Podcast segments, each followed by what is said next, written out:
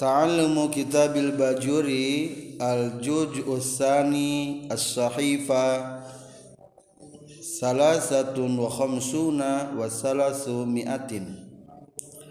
Faslun ari iya eta hiji fasal. Wal hukuku sarang ari pirang-pirang hak. Dorbani eta dua bagian.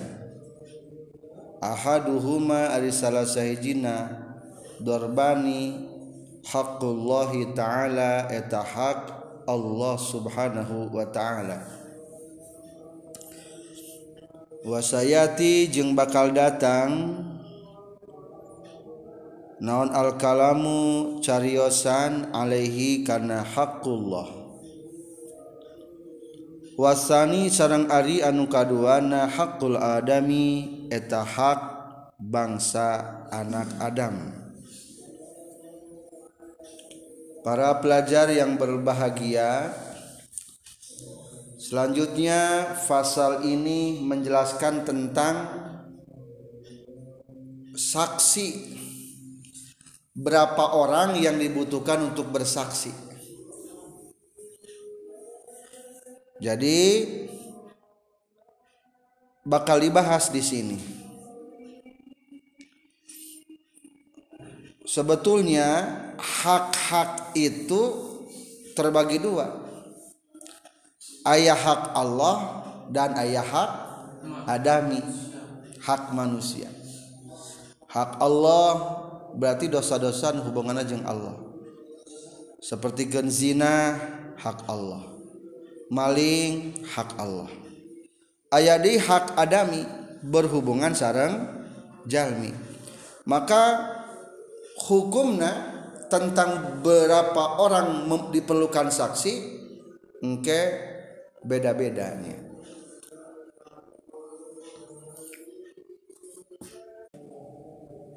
Masing-masing tina ieu hak Allah sareng hak adami teh kabagi tilu macam.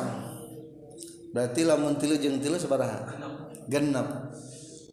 Nah, maka persyaratan saksi-saksi nate ieu teh benten-benten ketika anu berhubungan jeung hak Allah jeung hak adami.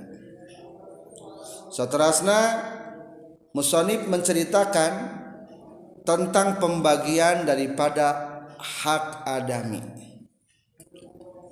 Fa amma hukukul adamiyina maka ari pirang-pirang hak bangsa anak Adam fasala satun taeta ayatilu wa fi ba'di nuskhi sareng eta tetep dina saware sainan matan fahia mangka ari hak adamiyin ala salasati adrabin eta netepan kana tilu pirang-pirang bagian. Dorbun tegesna sabagian la yuqbalu anu teu bisa ditarima fi dorbun non illa syahidani kajaba dua saksi. zakaroni anu lalaki dua nana falayakfi maka tercukup naon rojulun hiji lalaki wamroatani sarang dua istri. Wa fassara jeung ngajelaskeun sal musannif musannif hadza darba kana ieu bagian biqali ku cariosan musannif.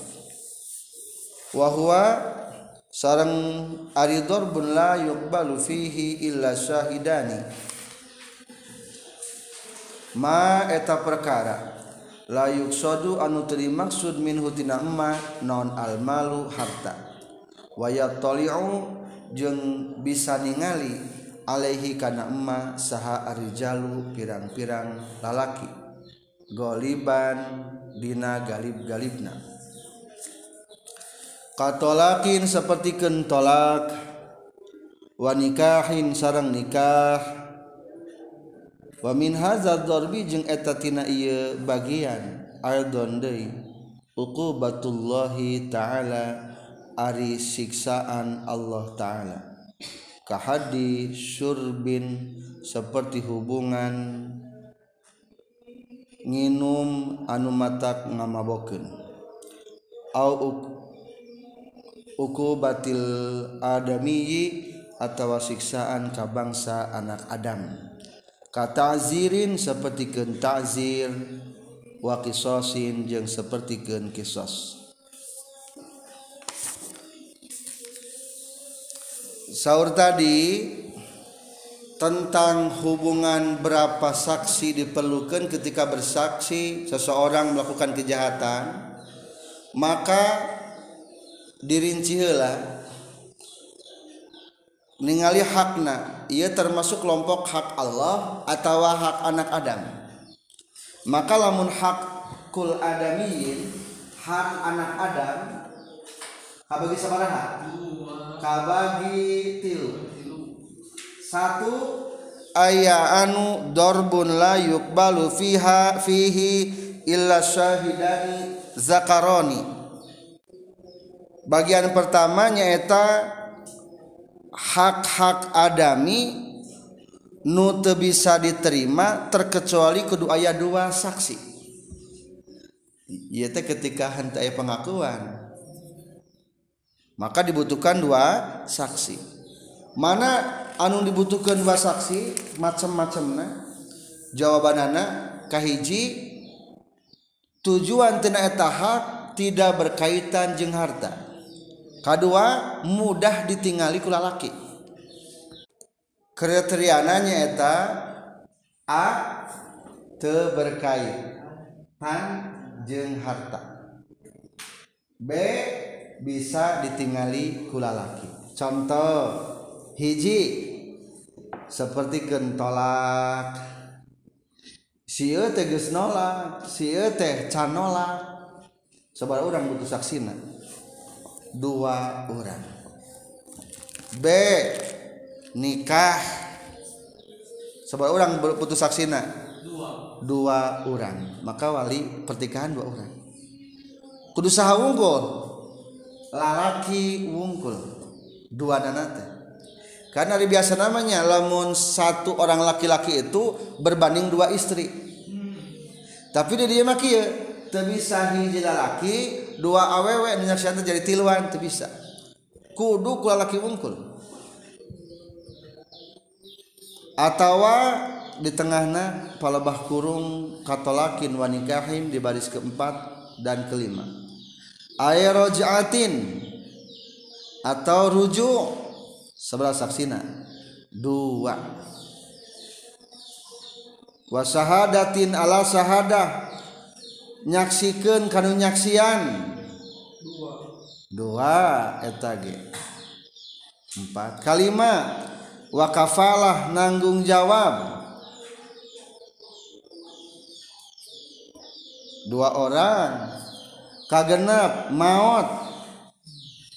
Seseorang geus maut. Dua. Ngawakilkan dua. Wasiat. Dua. Orang. Sirkah kerjasama. Dua orang. Kirod maparobati. Dua orang. Baris ketiga dari nunembe pengakuan istri keratos nikah. Dua orang. Pengakuan lalaki jeng istri untuk menetapkan warisan sami dua orang. Jadi ia keperluan-keperluan hakimnya. Jadi hakim mengevaluasi ia masalah masalah naon tah lamun masalahna tolak nikah atau sebangsana sejenisna eta mah kudu dua orang. Wa min darbi yang termasuk tina ieu bagian kene nyaeta uqubatullah ari siksaan Allah berarti ari siksaan Allah mah hak hak Allah ieu nya berarti kage hak Allah aya juga kieu aya kedua, kedua lalaki teu bisa ku awewe contoh di dia naon? Hukuman nginum anu matak ngamabokeun. Oke okay, eta dibutuhkan dua saksi. Atau pokona ukubatunil adami siksaan-siksaan terhanak anak Adam anu berbentuk hakullah mungkin yang dibutuhkan dua saksi asal nusalinti tijinah berarti kayak persamaannya jeung hakullah. Seperti ke ngabunuhna pikenjal manuburtad keputusan bahwa begal eta ngabunuh seseorang bari sebanding derajatna cukup ditetapkan kedua orang. Atau memutuskan seseorang telah mencuri etage cukup kedua orang. Atau memutuskan begal Gus nyokot harta nu ngaliwat eta ge sami dua orang.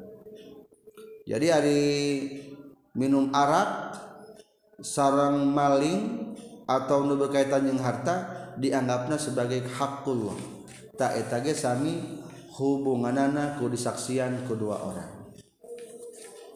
Terkecuali zina.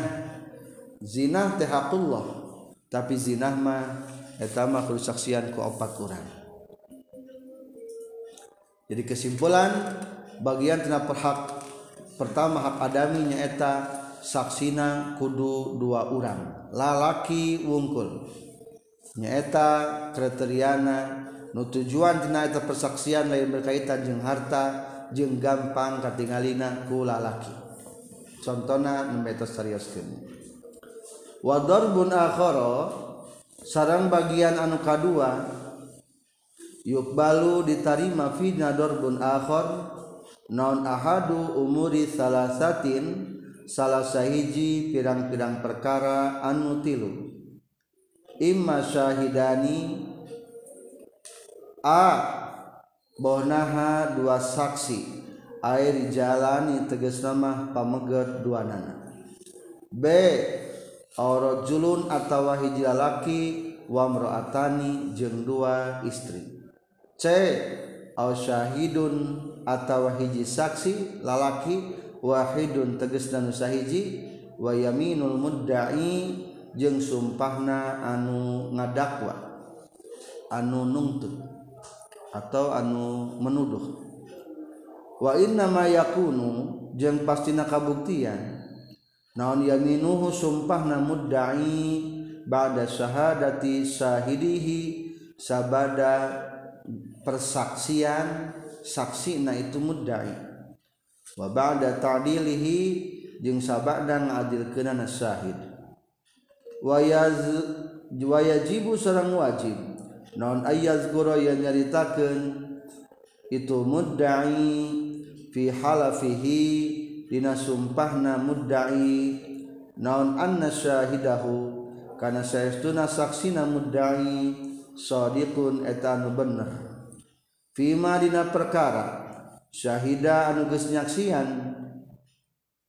ieu syahid lahu kasih mudai bihi kana iyemma fa'ilam yahlaf maka lamun tesum pasal mudai anu ngadakwana. Wa wa talabi yamini khosmihi jeung sabada nyupri sumpah musuhna itu si mudai. Falahu maka tetap piken itu mudaleh zalika ari itu halfu. Fa inna kala maka lamun nakal maksud nakal embung sumpah. Saha khosmuhu musuh nasi mudai maksudna muda'ale Falahu maka tetapikeun si mudai. Ayah lifa rian sumpah mudai. Biaminin raddi kalawan sumpahna anu dibalikeun fil azhari numutkeun kaum leuwih dohir. Wa fasara jeung ngajelaskeun sal musannifu musannif hada darba kana ieu bagian bi annahu kana saestuna ieu hada darba ma eta perkara.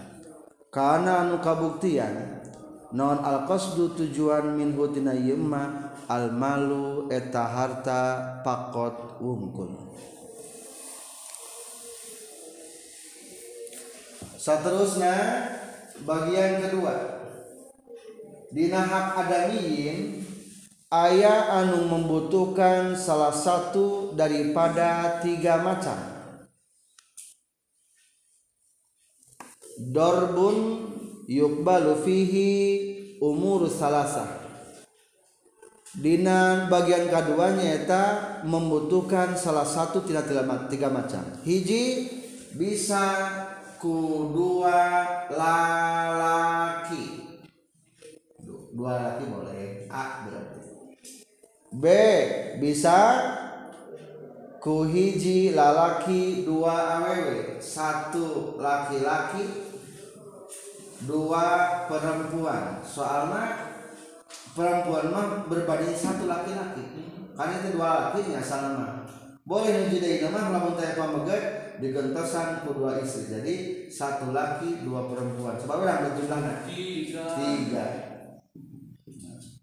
Atau kumaha lamun ngan saurang? Boleh ku saurang lalaki ngan tambahan ku sumpah satu laki-laki ditambah sumpah yamin nah, menang. Iya teh yamin iya teh gambaran yamin gambaran yamin kan. Sumpah mau dikembalikan dari karena ngadakwa. Di dalam kriteriana iya anu tilu iya anu tilu iya kriteriana nyaeta lamun tujuanana bertalian jeung malun jeung harta. kudu kieu kriteria contoh. Contoh. Anu berkaitan jeung harta panghandapna. Wama kusidal min humal sawaun kalnal malu ainan. Baik tujuan tina eta transaksi teh tujuan anak adalah harta.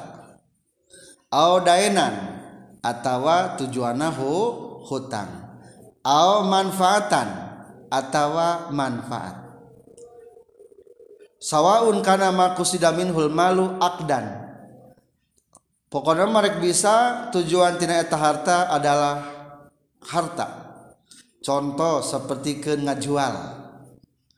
Cing lamun urang rek ngajual tanah bisi kaharep na bisa aya sengketa maka kriterianan ieu A bisa kunaon? Bisa. Dua lalaki. Jadi lamun orang rek jual suat beli tanah teh nak kwitansi berarti nu tatanganna harus mah saksi saksi tuliskeun dua ngaran lalaki. Atau satu laki-laki dua perempuan. Bisa. Katilu? Ieu malah mun sengketa. Lamun sengketa hiji lalaki kedua kudu sanggup ngaluarkan sumpah. Contoh umpamana orang meli tanah. Ajengan ilham meli tanah ti ajengan mumu. Teu apaleun anakna? Teu apaleun anakna? Ari barang geus kitu umpamana teu apalin anakna? Ari mumu umpamana teu mana lah bukan mah eueuh beda talembur luka pindah alam. Nah udah bila eta bener tanum pindah mah lamun nu masalah mah nu pindah alam. Akhirnya diperebutkan mungkin antara orang jeung saha? Jeung ahli warisna. Cek orang teh diajukan ke hakim pengadilan. Abdi balik ngagugat tanah 100 bata eta teh menang menang kuring meuli. Gentoslah namina ulah ti kang mumu. Ti jaed ngan anakna teh apaleun bari keur waktu harita teh. Eueuh nu apaleun anakna teh? Ngan abdi boga saksi. Mana saksi maneh? Tah ieu saurang. Nah. Aya saurang untungna teh mawa ti pihak keluarga. Keluarga Ilham. atau orang dulu batu babaturan sebagai saksi. Temen aku pamajikan dua laki teangan lalaki hiji. Matak bagus nama lamun orang rek jual beli teh minimal ayat tipiah keluarga orang hiji lalaki. Minimal hiji lalaki. Geus kitu bersaksilah ashadu abdi nyaksikan bahwa ieu tanah milik ajengan ilham. Abdi nyaksian pisan. Terus gitu bener. Iya jujur jujur. Taruh akhirnya disumpah. Tah muda aleh. Hei para anak-anaknya kadengnya tuntutan dia jangan ilham bahwa iya tanah milik manehan anak menang meuli ti bapak maneh. Saksina ayeuna cek hakim teh maneh sanggup sumpah teh tah lamun Arab teh duh teu wani sumpah mah. Dan kurang yakin dibalikeun deui cing Ari maneh ajengan Ilham. Wah itu sumpah bahwa maneh meuli. Wah kakara sumpah Wallahi abdi meuli ieu tanah tah Eta hukumna cukup gitu jadi lamun simpul dalam orang jual beli minimal tipi hak orang ayah saurang. Jadi ketika ayah sengketa orang bisa ngeluarkan saksi jeung ngeluarkan sumpah. Ketika ayah tadi itu seorang mulainya tadi dia seorang minimal. Lalaki tapi pelarian ulah ku pamajikan pamajikan istri. Kedua deui contona atawa berbentuk hiwalah. Hilah ten, hiwalah teh naon? Ngagilirkeun hutang. Ngagilirkeun hutang. Eta berkaitan jeung harta.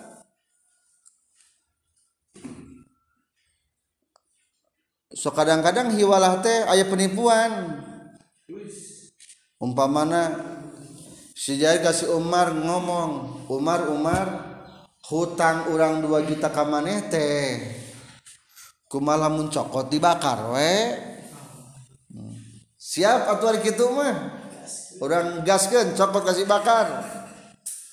Ngan salah nate si Jayena ongkoh nyebutkeun cokot ku si bakar Ari si eh, etananya si cokot si bakar nya si bakar lagi cokot banten hutang ku si jahit ditarik ditagi teh bisa bara orang atau keduaan ongkoh nitah kabatur supaya pang nagihkeun. Ari kumaha ge naon? Ditagi. Tah kitu tah lamun hiwala kitu nyaeta kudu aya dua saksi. Dua saksi. Li'anaha bi udainin bidainin juwiza lil hajah.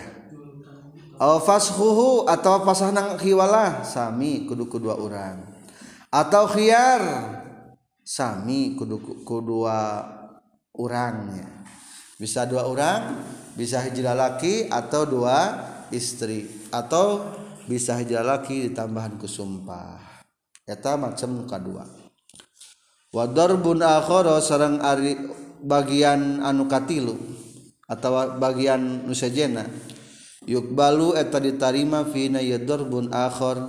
Naon ahadu amroeni. Salah sahiji dua perkara. Anu katilu mah gambaranana bisa dua macam. Kahiji a rojulun wa mro'atani. Hiji lalaki jeung dua istri. B wa arba'u niswatin opat pirang-pirang awewe jadi anu nomor anu bagian anu naon? Hiji lalaki atau dua aww lamun taya lalaki berarti laki mah sabara berbandingna. Dua. Berarti jadi opat aww mana gambaran kudu opat istri? Iya mah hal-hal nu bisa ditinggaliku pamegat berarti wa fasara jeung ngajelaskeun sal musannif musannif hada darba kana ieu bagian biqauli ku cariosan musannif wa huwa sarang ari darbun akhar yuqbalu fihi rajulun wa imra'atani ma eta perkara la yattali'u anu teu bisa ningali alaihi kana ieu ma saha arrijalu pirang-pirang lalaki goliban dina galib-galibna. balna diron baliktah langka. Kawiladatin seperti ngalahirkeun. Ngalahirkan isu perebut budak. Itu budak saha? Budak saha. Kan di rumah sakit malah banu lahiran.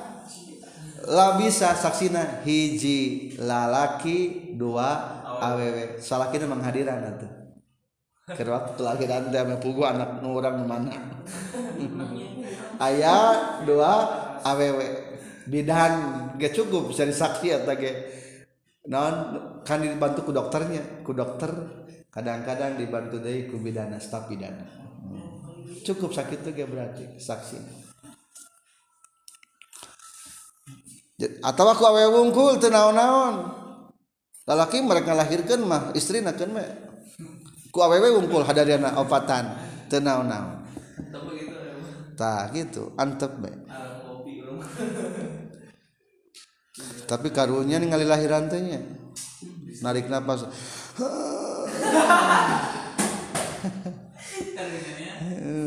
Ketir nguping nata wahaidin sarang saksi head bisi engke sengketa dina masalah ieu teh geus beak idah atawa cacang. Awewe cukup kusaha ku awewe saksina.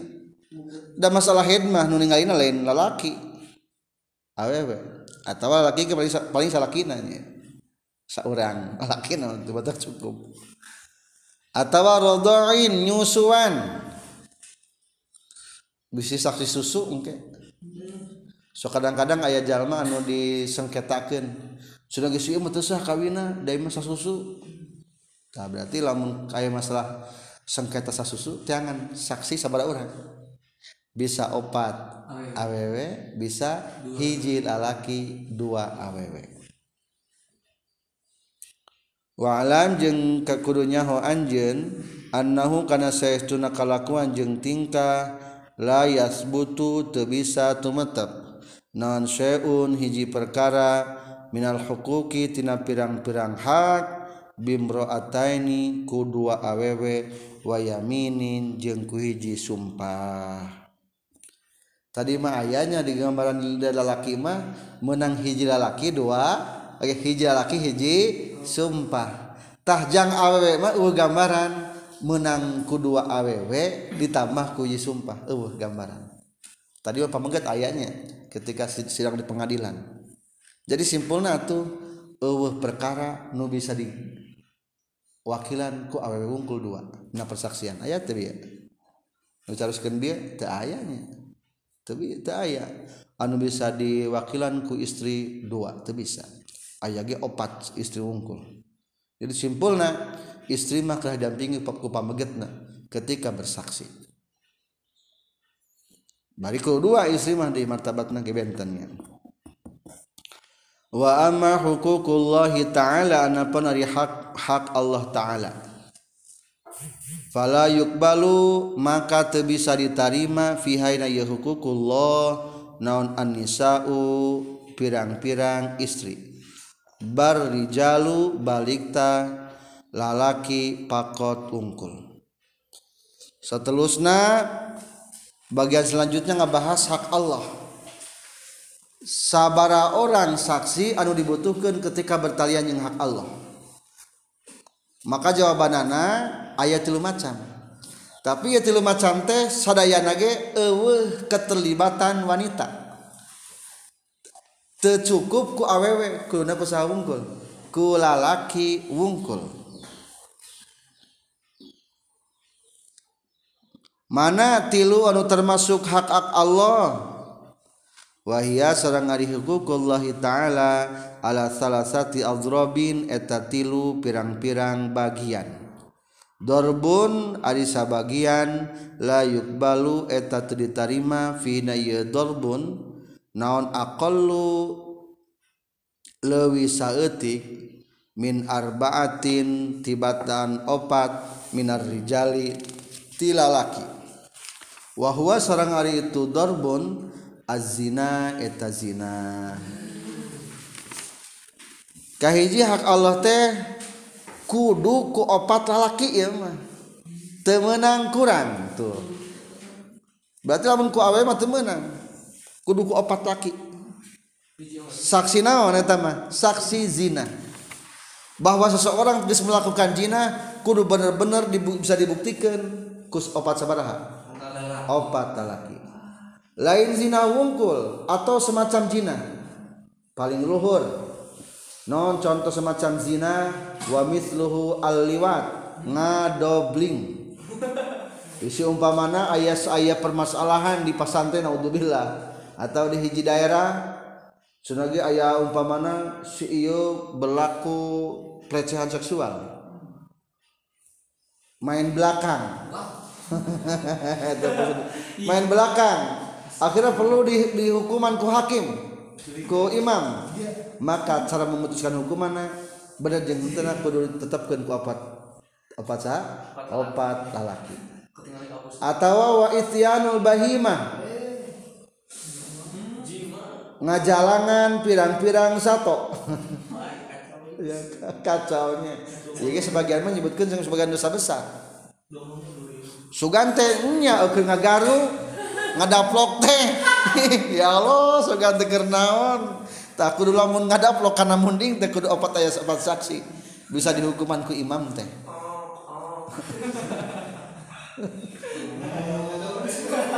Wayakunu jeung kabuktian naon nazruhum ningalina itu arba'ah lahu kana ieu zina li ajli syahada karena arah-arah nyaksian. Ngan kade tujuan nu ningali lenek noong. Tapi rek rek naon rek nyaksikeun rek dibejakeun ku urang ka imam cing ditingali bener asup teu ieu teh. Tujuan hang ningali teh lain resep ningalina tapi mah jang laporkeun ban ka imam. Nah, lamun kitu meunang kumaha ngahaja noong.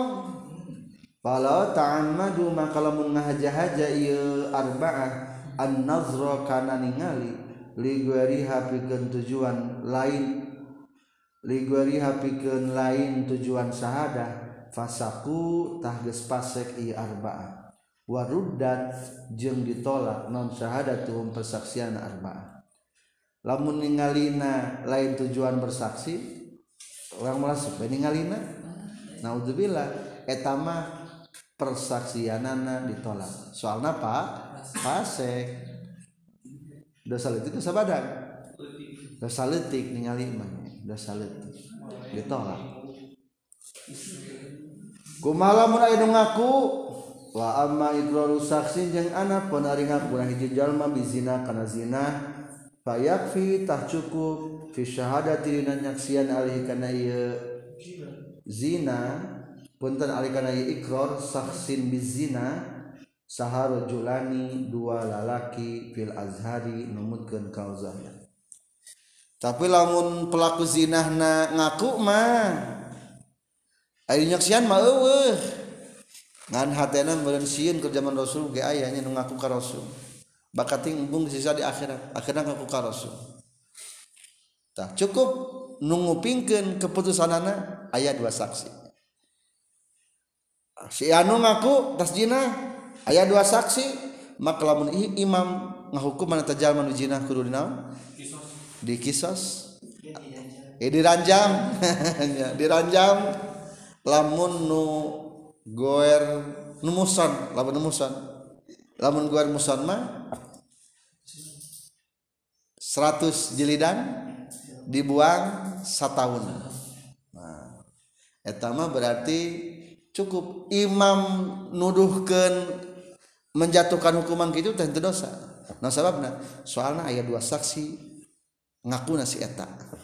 Sanajan tadi ngali kerjinah nama baru ningali tapi tina pengakuan bisa menjadikan landasan asal ayat dua saksi.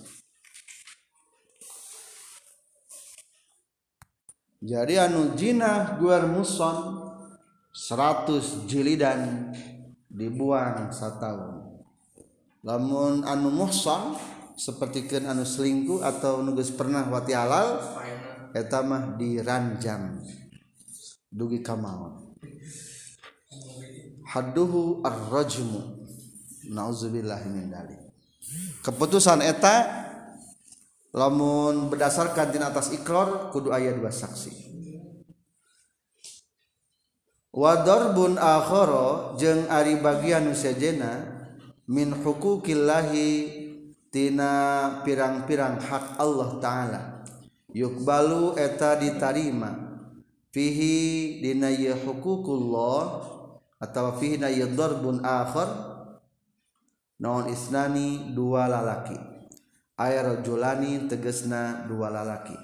Wa fasara jeung ngajelaskeun sal musannif musannif hada darba kana ieu bagian bigaulihi ku cariosan musannif.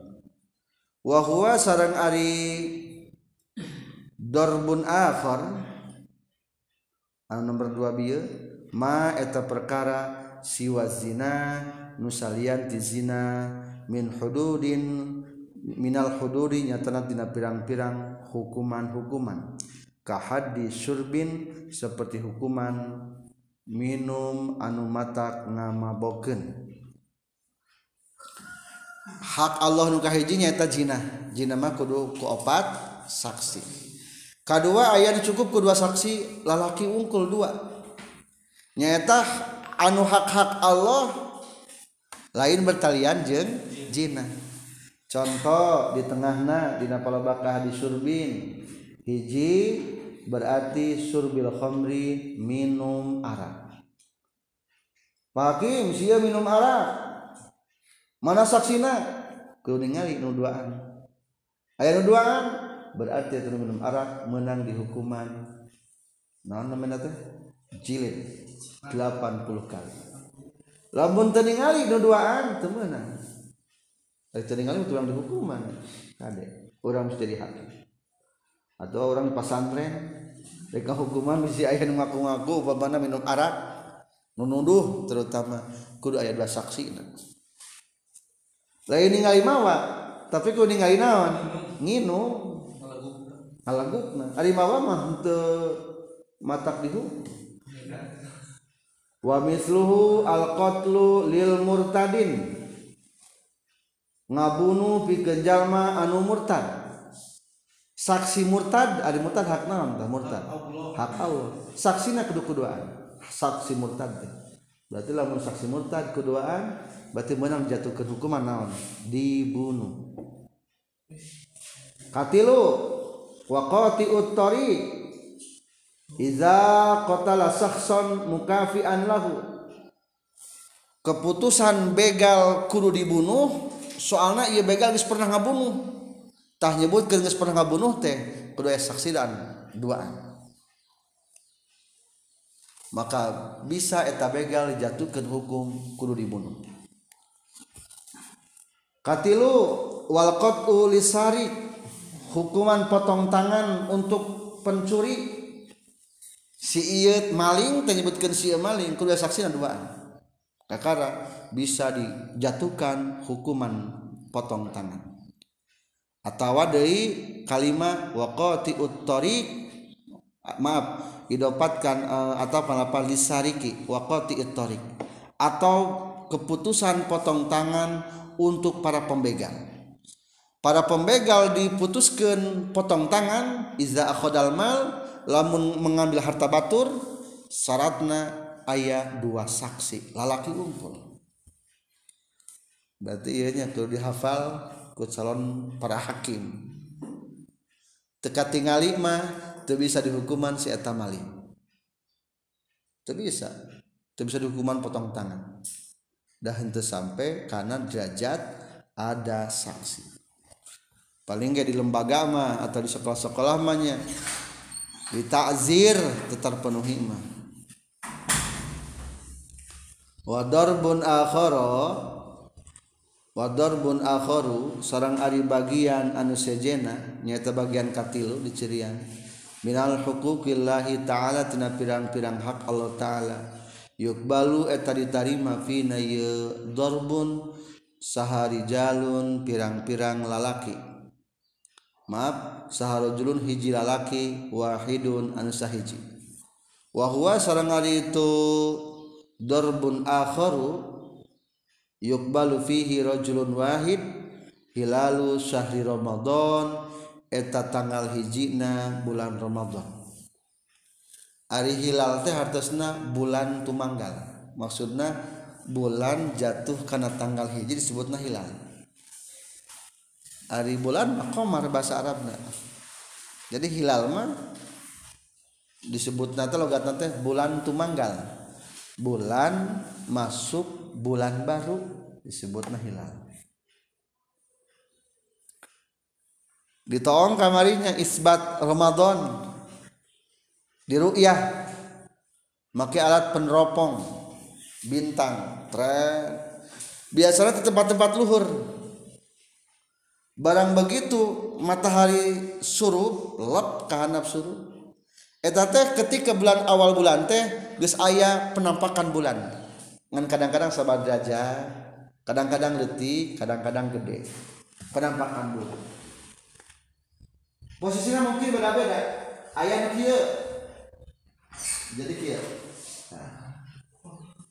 jika letter U tapi kehandap letter U nah soalnya kacolatan kurang kumaku matahari. Jadi gitu jika bulan sabit melangkungna kehandap tapi. Kaluhurnya melangkungna jika huruf N. Nah, berarti iya katingali ayah bulan baru. Ditahu ku naon teh ku tropo sama orang saksina cukup seorang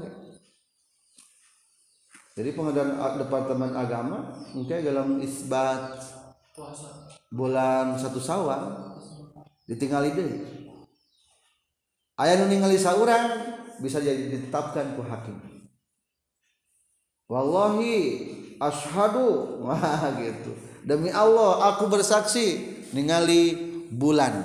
Nah, berarti saksanajan seorang meningalina menang seorang hakim pengadilan agama menetapkan oh besok mulai tanggal satu sawal soalnya geus nampak tadi pas sore ayah nuningali saurang sok sanajan hari biasanya mah terasa orangnya di unggal wilayah.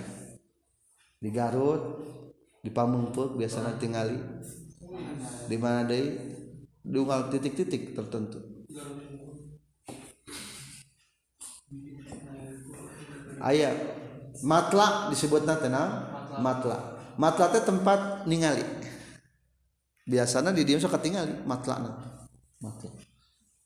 Mungkin ayat tanggal jam seberapa bakal ketinggalin kue lupa lah tentu tanggal sekian jam sekian akan terjadi penampakan hilal. Nah, penampakan hilal. Lain hilal yang jami makanya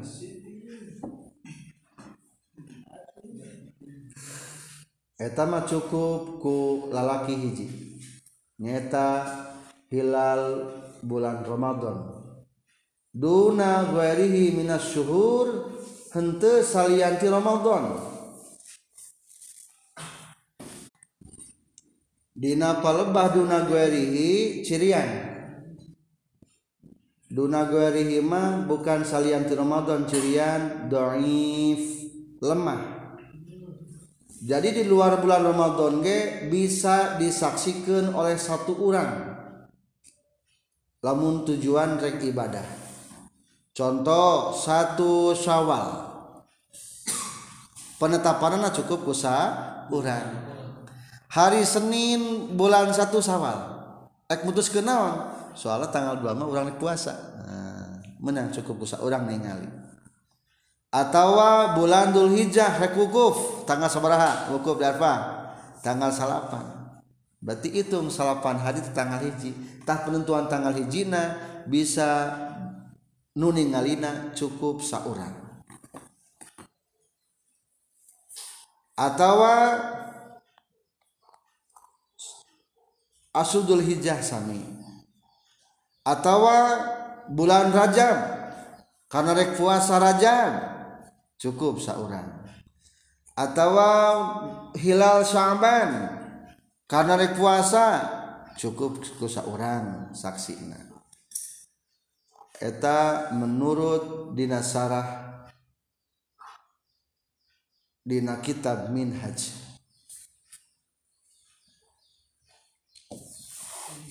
Wafil minas syuhuri nyata tina pirang-pirang bulan wafil mamsutoti jeung eta tetap bina pirang-pirang kitab nu dipanjangkeun babaranana. Mawadiun ari pirang-pirang tempat deui yukbalu anu bisa ditarima fihi na mawadi' non syahadatul wahidi persaksian ti saurang jalma ti saurang lalaki pakot pungkul. Minha eta tetapnya sapalihna itu mawadi syahadatul lawsi ari saksi tanda-tanda pembunuhan. Saksi-saksi bahwa saya tetas ngabunuh cukup seorang jalma wa minha jeung eta tetep dina sapalihna itu mawadi anu satuna kalakuan jeung tingkah yuktafa di alat cukup. Fil khorsi dina naksir bi adlin wahidin ku jalma adil saurang Ari baheula bagian amil zakate, staf amil zakate zaman para sahabat ayat ahli nu naksir. Yuk tangkal kolma sabaraha keluar kilwanana.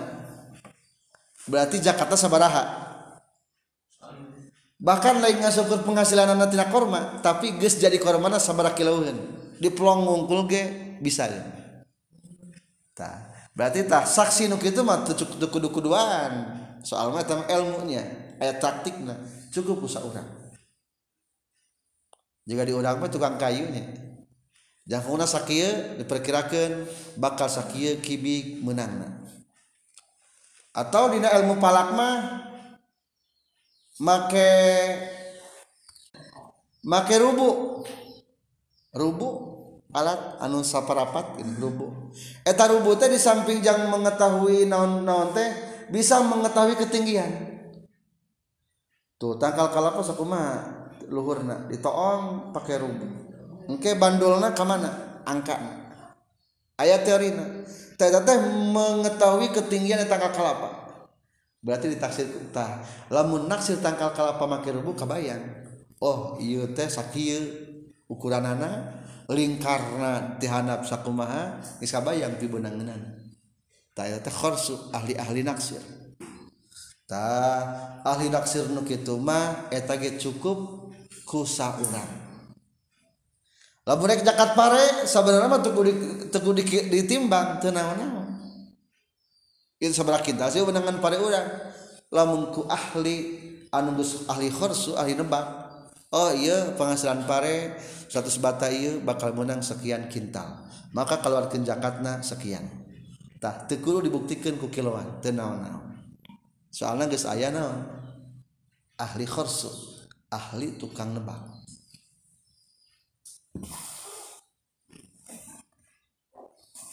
Berarti entosnya anu bisa ku jalaki mah satu tentang hilal Ramadan dua tentang bukti pembunuhan laos tilu tentang naksir bisa kau sauran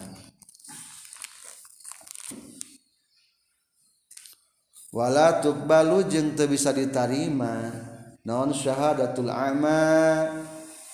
Saksi anu lolong. Illa fi khamsati mawadi'a kajaba dina lima pirang-pirang tempat. Ari anu lolong mah bisa bersaksi soalnya dinak saksi teh kabagi dua. Ayah saksi pegawaian ayah saksi ucapan. Tiga baris dari bawah. Kahiji li'annahu yustaratu fi syahadah alal fi'li. Disyaratkan dina saksi tentang mengerjakan. Contoh kazina. ningali ngerjakeun zina. Wasur bil khamri ningali nuker ngerjakeun minum arak. Wal gosobi ningali anu keur ngagasan wal itlapi ningali anu ngaruksakeun harta batur.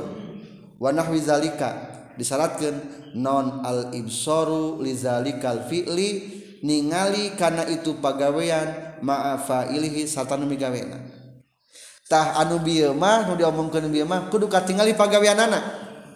Lamun maling katingali malingna jeung jalmana. Lamun zina kudu katingali ngasupkeunna jeung jalmana saha. Kudu katingali. Jadi kudu al ibsor katingali. Cing anu lolong bisa ningali moal karena bieu mah karena pagawean mah. Matak lolong tuh gambaran dina pagawean bisa jadi saksi. Kedua contoh deh wafis syahadati alal qali panghandapna saksi tentang pembicaraan. Lain pakai pembicaraan naon? Contoh akad. Jadi akad nikah pakai naon? Pegawai anak di akad nikah atau ucapan itu. Atau pasah ucapan itu tolak. Ucapan atau ikrar ucapan. Kalau menunu bertalian yang ucapan saksi nanti selatan naon? Naon asamu kudu ngadenge wal ibsoru jeung ningali liko ilihi kanu ngucap kenana itu kaul. Jadi kade. Lamun orang jadi saksi pernikahan kudu kumaha cenah hiji? Samu? Kadenge? Samu heula. Kadua al ibsoru liko ilihi ningali kanu kudu ngucap kenana mata dalam dalam saksi pernikahan itu lah tenang tungkul? Pencerong pangantena. Lain pengantin awewe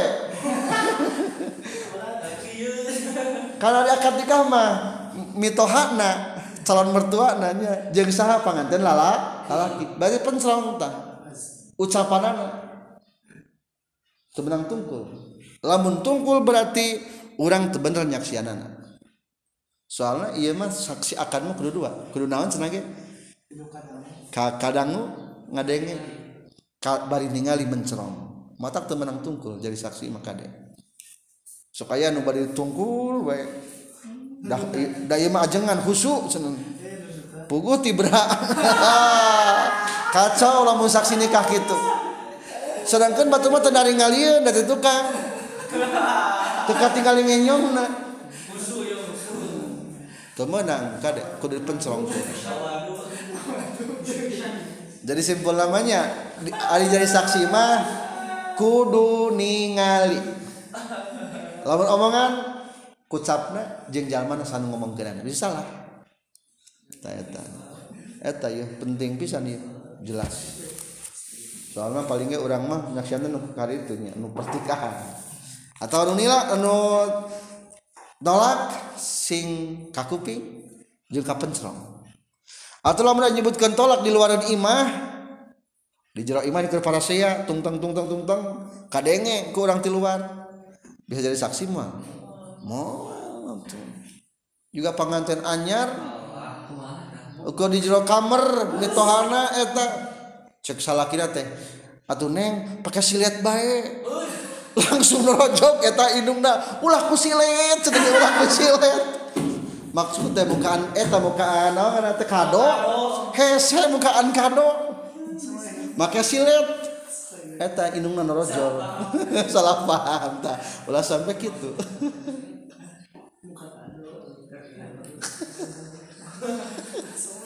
rewasen tak jadi wah sampai gitu. Kudu ketinggali terkecuali ayah anu menang kunu lolong dina lima gambaran nyaksianana. Wa fi ba'di nushi khamsi mawadi'a. Kajaba dina lima pirang-pirang tempat. Wal muradu jeung ari maksud bi hadil khamsah ku yeun lima ma eta perkara yasbutu anu bisa tumetep ieu ma bil istifadati ku sabab mas'ur. Ieu nu lima teh lamun rata-rata batur ge apaleun. Tah nu lolong ge bisa minum ngomong berarti. Da batur ge naonan? Arapaleun hiji mislul mauti sepertikan saksi maut sehingga di jalan mandi orang lama enu maut sok arapal untuk batur diumumkan kari-kari ayah nulung yang ngabijaan kabatur si anu maut tak bisa dipercaya eta mah. Dan masalah maut mah lain saya tahu kuno apa batu gara paling kedua wan nasabu jeng turunan. Si anu nak si anu si anu nak si anu nulolong gak bisa. Etama soalnya masuk Ari anak-anak anak sanum. Li zakarin pikeun lalaki au unsa atawa awewe min abin tina sabapa au qabilatin atawa ti qabila. Bapana si anu ieu mah qabilahna qabilah anu suku anu wa kaza jeung eta nya kitu deui al ummu ari indungna ieu mah indungna si anu tah bisa kunu lolong yasbutu anu tumattab non an-nasabu nasab fiha dina ummu bil istifadati karena masyhur alal as-sahih numutkeun qaul sahih. Jadi masalah nasab mah bisa katilu wa mithlul milki jeung seperti kepemilikan al mutlaki anu mutlak. Wa turjumati jeung seperti ngajelaskan carita. Ari ngajelaskan carita umpamana aya bahasa Arab ngomongnya nolaknya ke bahasa Arab. Kari-kari eta kalingan eta kudu saha? Kudu lolong. Tah cek kudu lolong teh ari anta tolikun teh hukumna teh geus kaasupkeun nalak. eta diputuskan gitu. Kelolong teh. Eta mau nerjemahkan ngerana ge. Hukum menang. Ngan teu bisa paling ge sah nulakna teu bisa. Ngan pernyataan bahwa antatolikun artina maneh teh kacere eta teh geus kasupkeun kalimat talak. Tah penentuanna bisa bisa tinu gelo. Agak tinu naon? Tinu lolong nya. Ngan teu bisa ari ka jalma mah. Dating saha teu katingalieun lolong mah. Wama jeung kaopat perkara. Syahidan nyaksian ieu si a'ma bi kana ieu ma qoblal ama sameme lolong. Atau persaksian-persaksian sameme lolong. Besok aja di orangnya tersehat kadang-kadang lampu gedebut lolong. Naudzubillah aya anu katarak lolong. Katarak Katara penyakit lamad di dapanon anu nempel karena hidung-hidung nutup kari-kari bersaksi di hakim umpana si anu anak si anu. Da apa? Sawah iya dibeli dibeli ke si anu. Apa? Memeh lolong dan ngalina eta bisa jadi saksi. Atau kersehat ningali numaling si anu bisa nolong. Waqalu jeung ari cariosan musonif anu anu nembe sakitun eta nu ragrag fi ba'di nuskhil matani dina saware sainan matan. Wa ma'nahu jeung ari manana ieu qaul annal a'ma saestuna anu lolong.